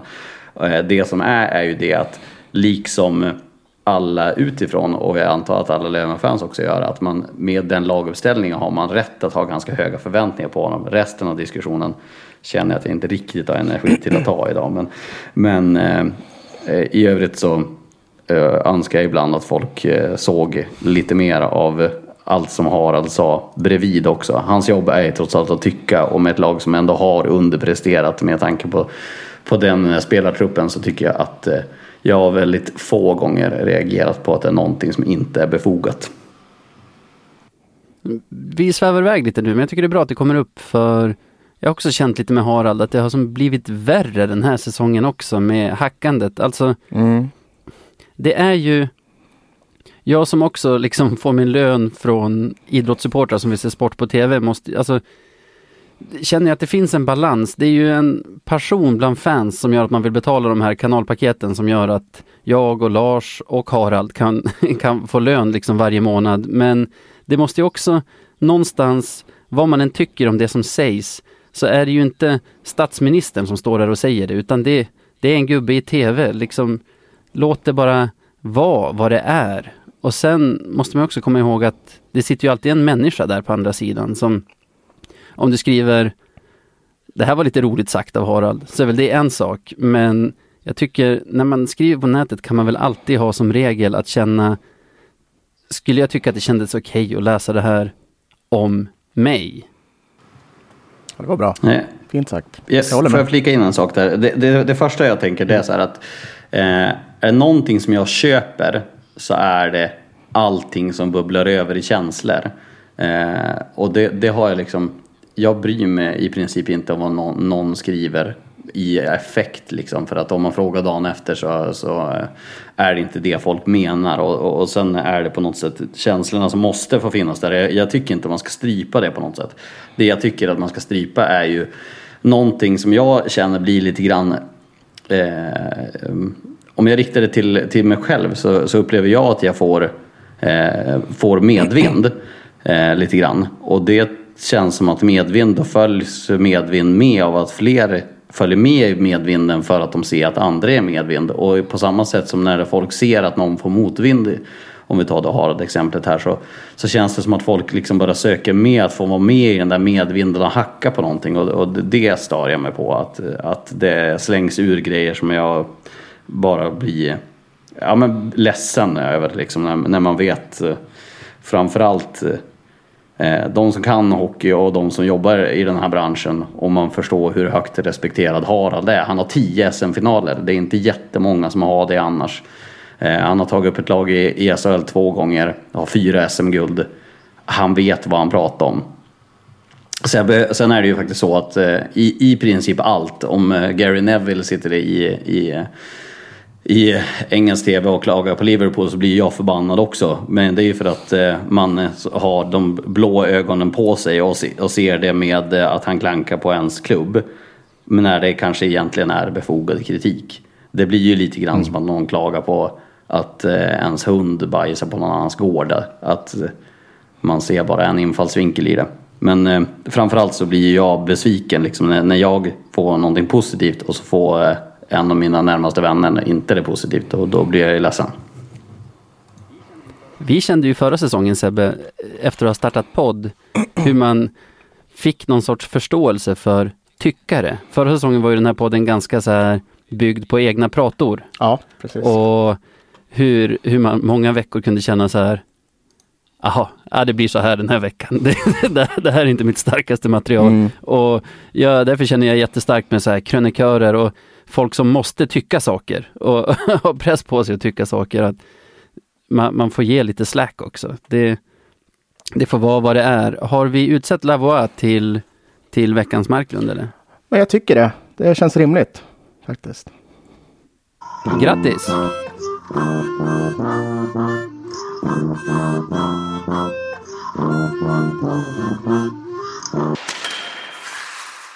Ja, då kommer vi till punkten som jag tror många av er har väntat på. Eh, det är ju såklart lyssnarfrågorna. Lars, du har ju varit en väldigt efterfrågad gäst, så, så nu får du ta, ta, ge fansen betalt, tänkte jag säga. Bjuda på dig själv lite. Ja, jag hoppas. Eh. De har väntat länge också, med tanke på att vi har pratat ja. på ett tag. Ja, verkligen. Men vi tar första här då, och det kommer från Theodor Larsson. Han undrar helt enkelt hur det var att kommentera matchen mellan Björklö Björklöven och Södertälje i en hall som just Vännäs ishall. Ja, en av den här säsongens stora höjdpunkter för mig faktiskt. Det var um, framförallt eh, så här, lite grejer runt omkring. Att man, eh, ja, men, eh, innan jag skulle göra intervjuerna så stod det, det vaktmästarens skoter stod utanför vår sändningsbuss där ute. Så jag, jag, hoppade på den med, med kostym och, och lågskor och drog ut en veva lite grann på och körde lite skoter ute på läggdan. Och så sen kom en fotograf och skrek du, du Rahim, jag har stått och väntat på dig i tio minuter. Du ska ju intervju för tio minuter sedan, var ute och körde skoter där det fastnade lite grann. Nej, men också just där att man, man stod ju i princip på, på isen, liksom vid plexiglaset mm. och kommenterade. Så man kom ju väldigt nära. Man hörde allt surr, allt eh, kacklande. Sen blev det ju en riktigt bra match också med, med mycket känslor och, och grinigt. Så att, eh, en av eh, säsongens absoluta höjdpunkter. Men det tror jag också. Det väckte ju något i båda oss också Sebbe, ja. den där matchen. Att vi pratade om det, även om man själv har spelat i A3 när den var Umeå ishall och bla bla bla, så det är ändå en hall man bara förknippar med liksom Lövens A-lag. Medan när man ser Vännäs ishall på tv och liksom, då är det ju genast Stinsen Cup och bortamatch i kommunserien och sådana grejer Exakt. som kommer till en. Liksom. Ja. ja, men gud. Ja, jag, jag kände också så att man fick lite Winter Classic-känsla över det hela. Verkligen. Det borde vara något sånt där evenemang varje år tycker jag. Det var extremt roligt. Men vi trummar på. Eh, här får du en snabb fråga av Henrik Sandström. Vilka går upp i år? Mm, då var det kul att sticka ut hakan lite grann. Eh, jag, jag, vet inte. Eh, men är det någonting jag lärt mig hockey med, med Hockeyallsvenskan att det blir aldrig som man tror. Eh, och framförallt inte den här säsongen. Så jag säger Mora IK. Åh jäklar, ska de upp Nej, igen? jag tror alltså? inte på det. Men på något sätt är det roligare om man säger någonting som är någon, någon form av minnesvärt än bara säger någonting förväntat. Och så hade det varit för tråkigt om jag bara sagt Löven bara för att jag är med här. Men, eh, Sant. Nej, ja. jag, jag tror inte det är omöjligt. Min outsider är ju Tälje. Hur ja, känner du för dem? kan absolut funka. Eh, lite frågande om, be, om målvaktssidan är tillräckligt bra. Det är kanske egentligen det som är, är mest emot Mora också. Om, om den håller. Eh, nej, jag, jag, vet faktiskt inte. Det, det, det känns hugget som stucket. Men jag tror ju på något sätt att det blir Timrå och Löven i finalen. Eh, och då är det nog singla slant-läge. Mm. Stefan Lindgren som vi faktiskt tidigare har nämnt i, i avsnittet, alltså matchspikern. Han undrar om du inför sändningarna, liksom, har du något speciellt sätt du förbereder dig på? Några dos and don'ts kanske? Mm, min, min vanligaste mardröm är att jag, jag, jag den, typ den enda mardrömmen jag drömmer är att jag, jag, ska komma sent till match eller att jag, ska komma dit oförberedd eller att jag står på fel plats när sändningen drar igång eller någonting sånt.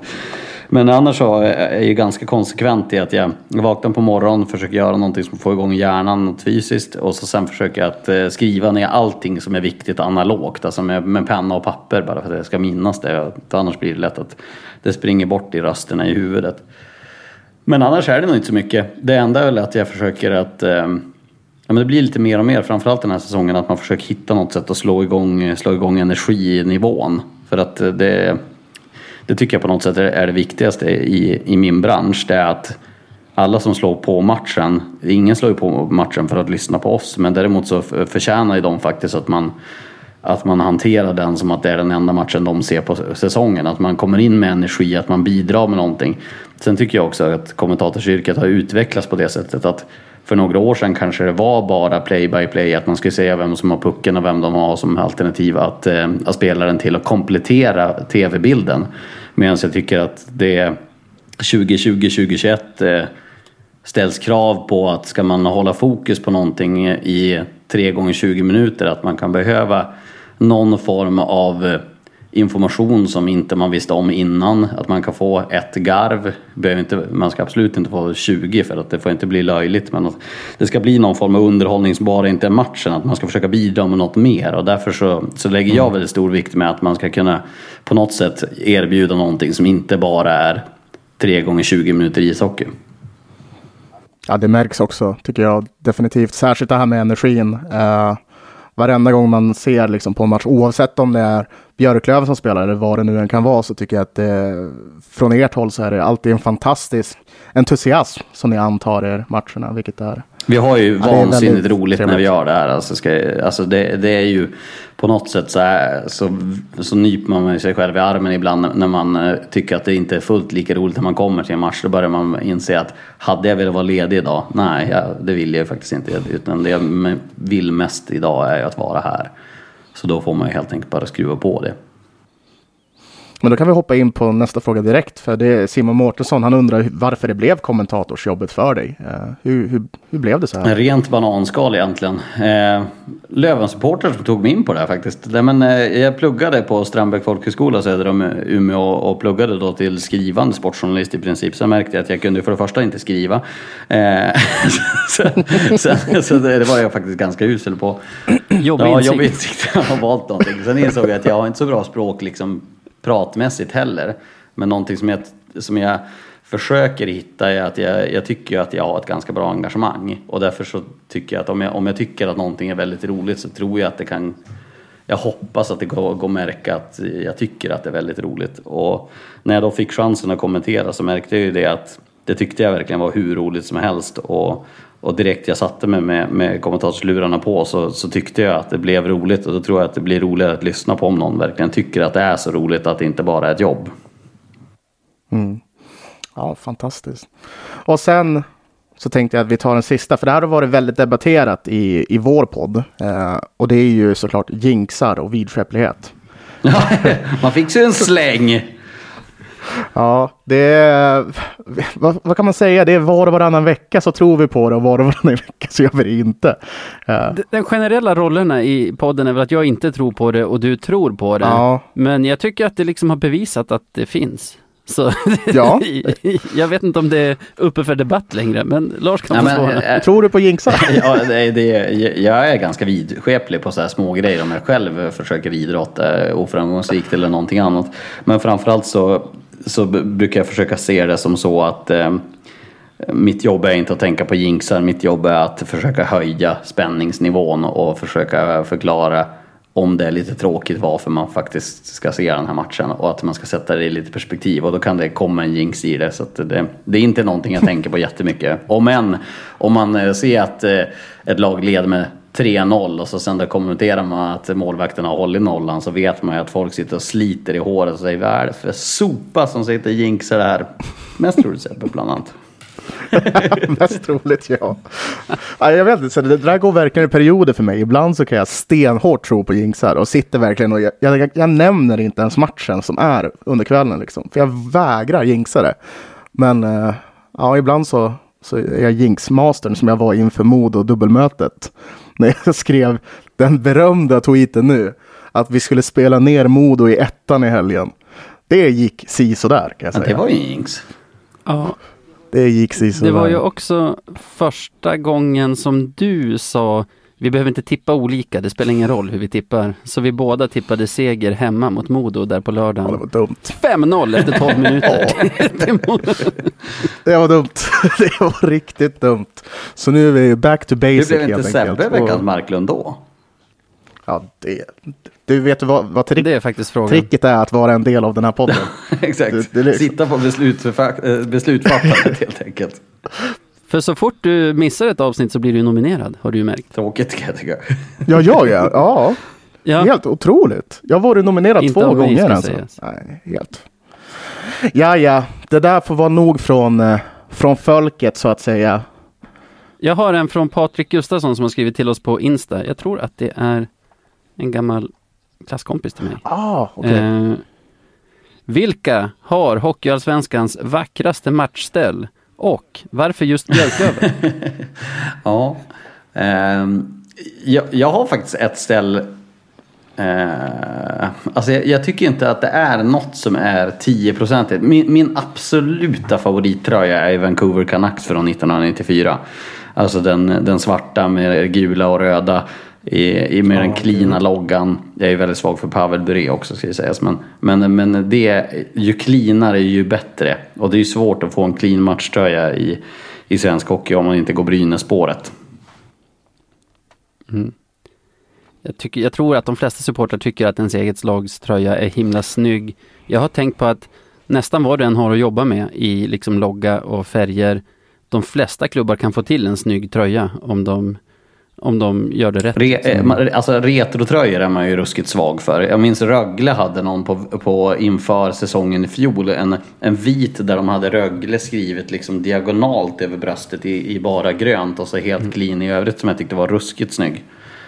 Ehm, men, men det är ju nostalgiådran pumpar ju ganska hårt hos ganska många idrottsälskare så det är väl mycket det också som faller in. För Löven spelar ju nu de här eh, retrotröjorna nyss. De är ju snygga av att de är retro och att man får retrovibbarna. Mm. Jag håller med. Jag gillar dem, men jag älskar dem, de vi hade i en match mot Teg i division 1 som följde med som typ träningsmatchtröjor säsongen därpå, blå och röda med vitt löv på som går tillbaka till ja, men första säsongen efter IFK Umeå. Är det de som spelarna brukar ha på sig som typ så här äh, ledig tröja? Om du förstår vad jag menar. Den är blå, vit, röd. Ja, de har en hoodie Ja, tror jag som är vara. sån. Ja, just det. Ja, exakt den. Ja, den är faktiskt Ja, den tycker jag snygg. också om väldigt mycket. För den är ju liksom, det är ju historia som man ser. Men du nämnde det också. Och nu spelar inte de i Hockeyallsvenskan. Men jag är jättesvag för Tegs tröjor. Jag älskar vinrött. Och jag tycker det blir så jäkla coolt när Teg har sina tröjor. Och du ser ju helt...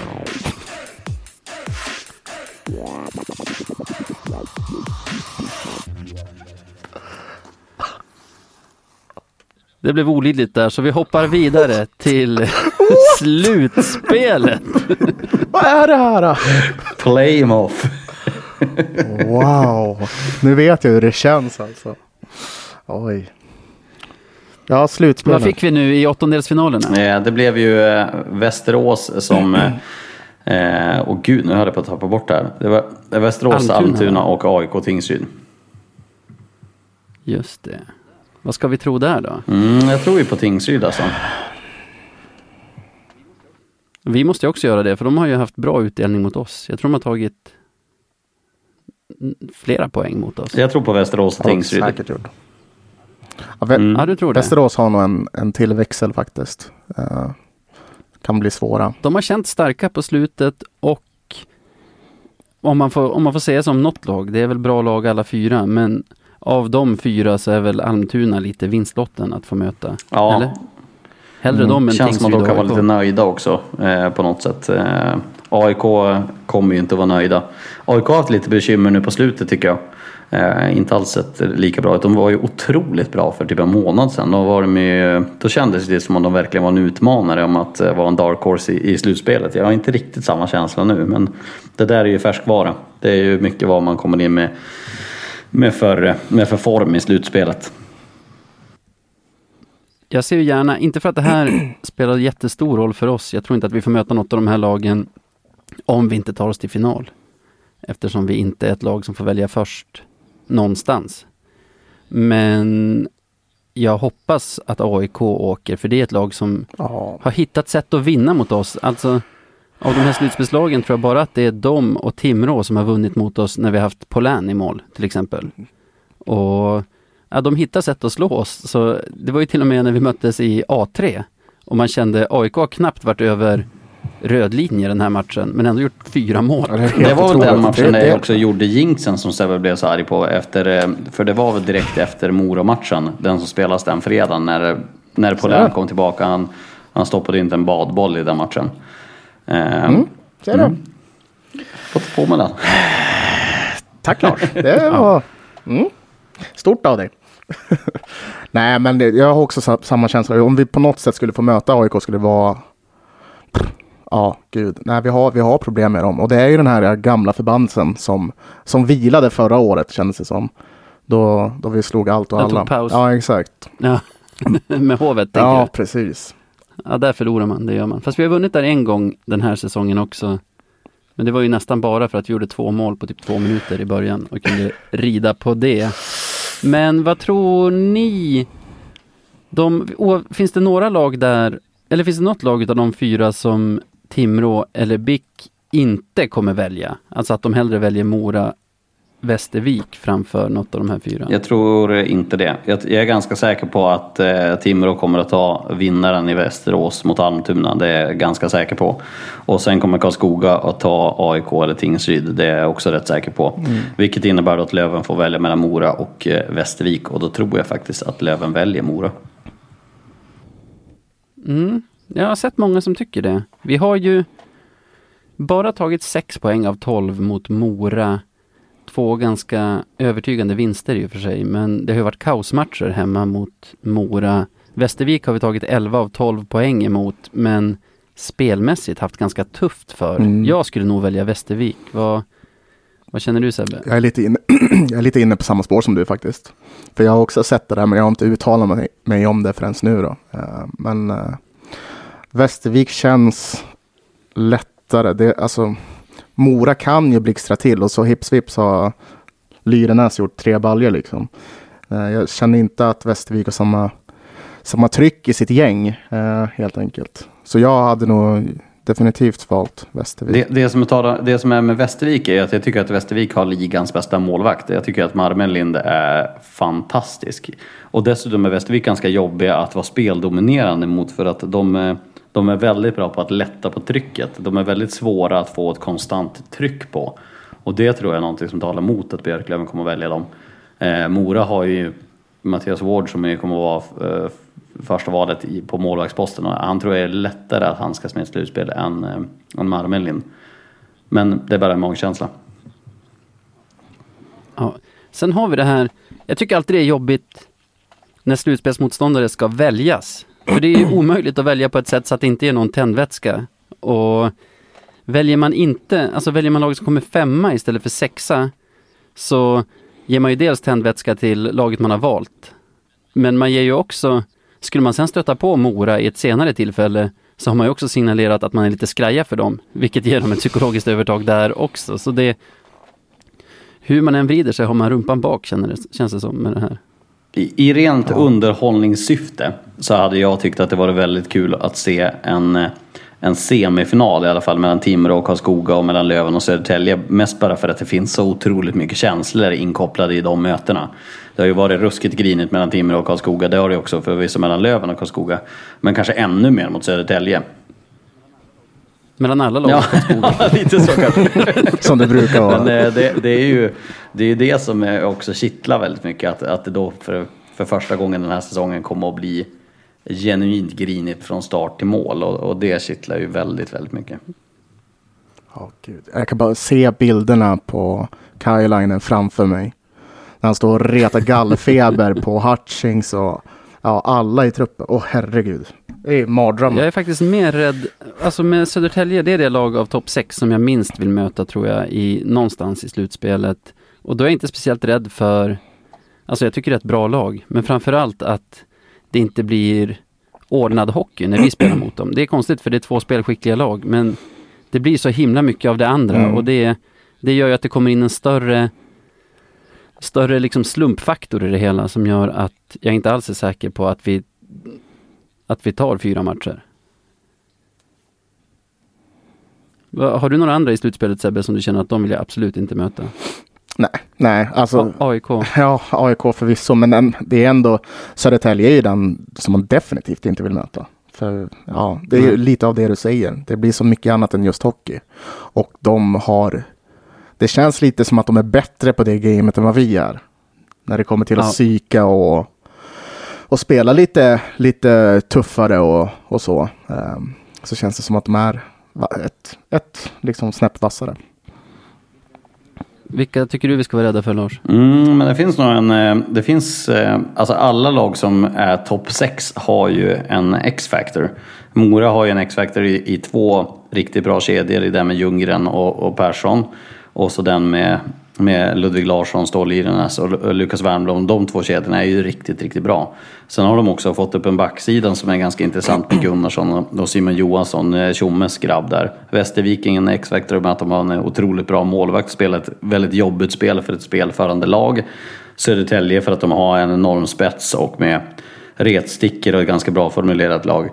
Och Karlskoga med två väldigt producerande kedjor. En fullständig Rete Gallefeberkedja och så en, en tung fjärde kedja med en väldigt bra målvakt där också. Och så Timrå med, med all deras spets och framförallt enorma rutin. Det har ju Björklöven också såklart. En eh, enorm rutin i avgörande eh, skeenden med Mårten Madsen, Liljevall, Blomqvist och så vidare.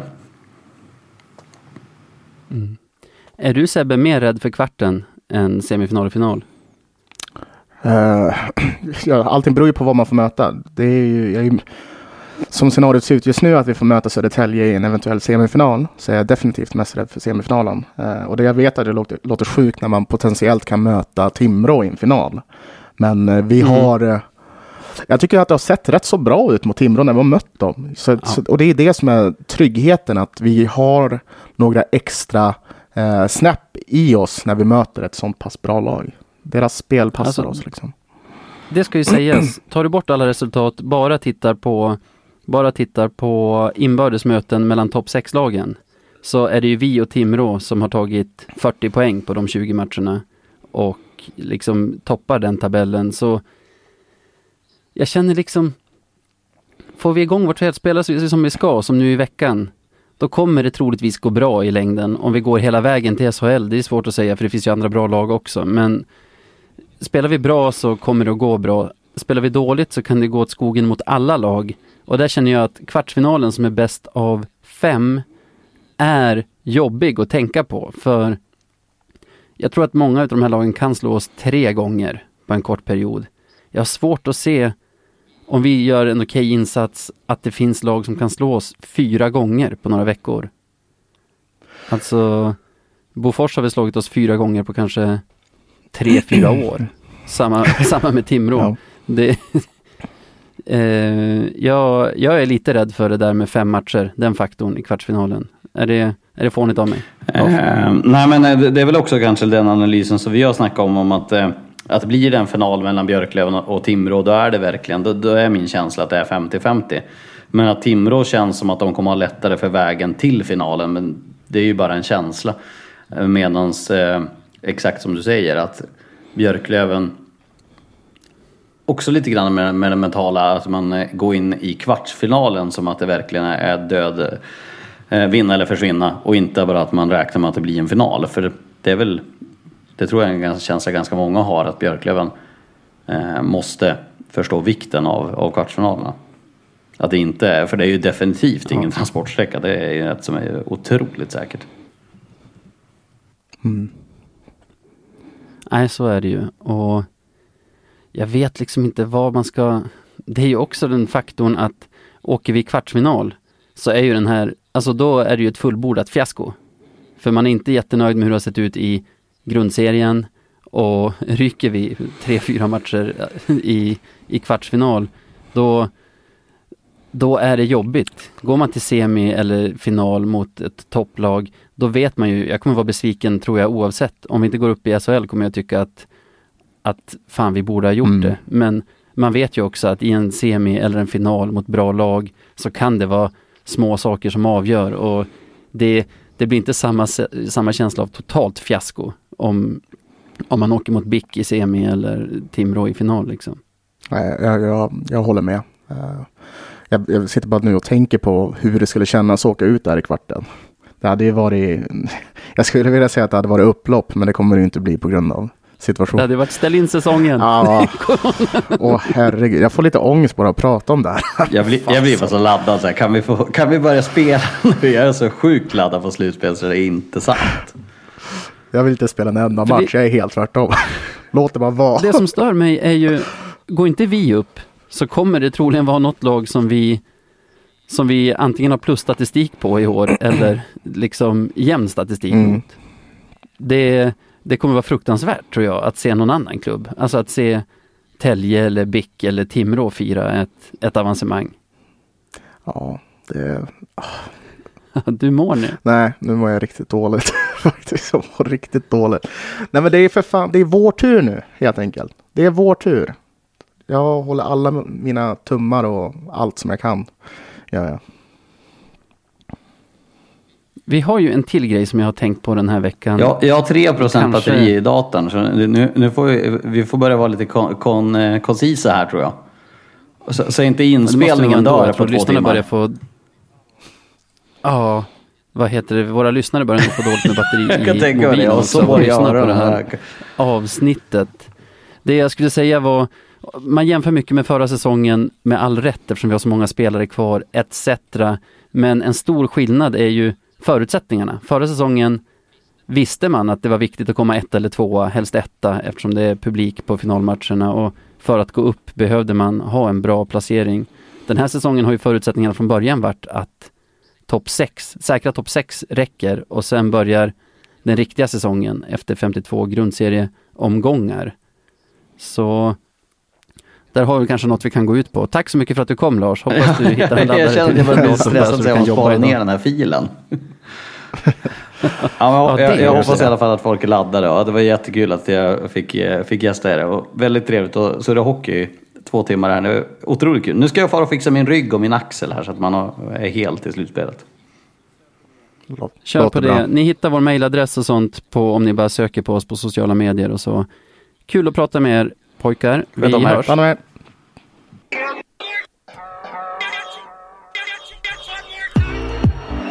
hörs. Stanna med. Boys Rosenberg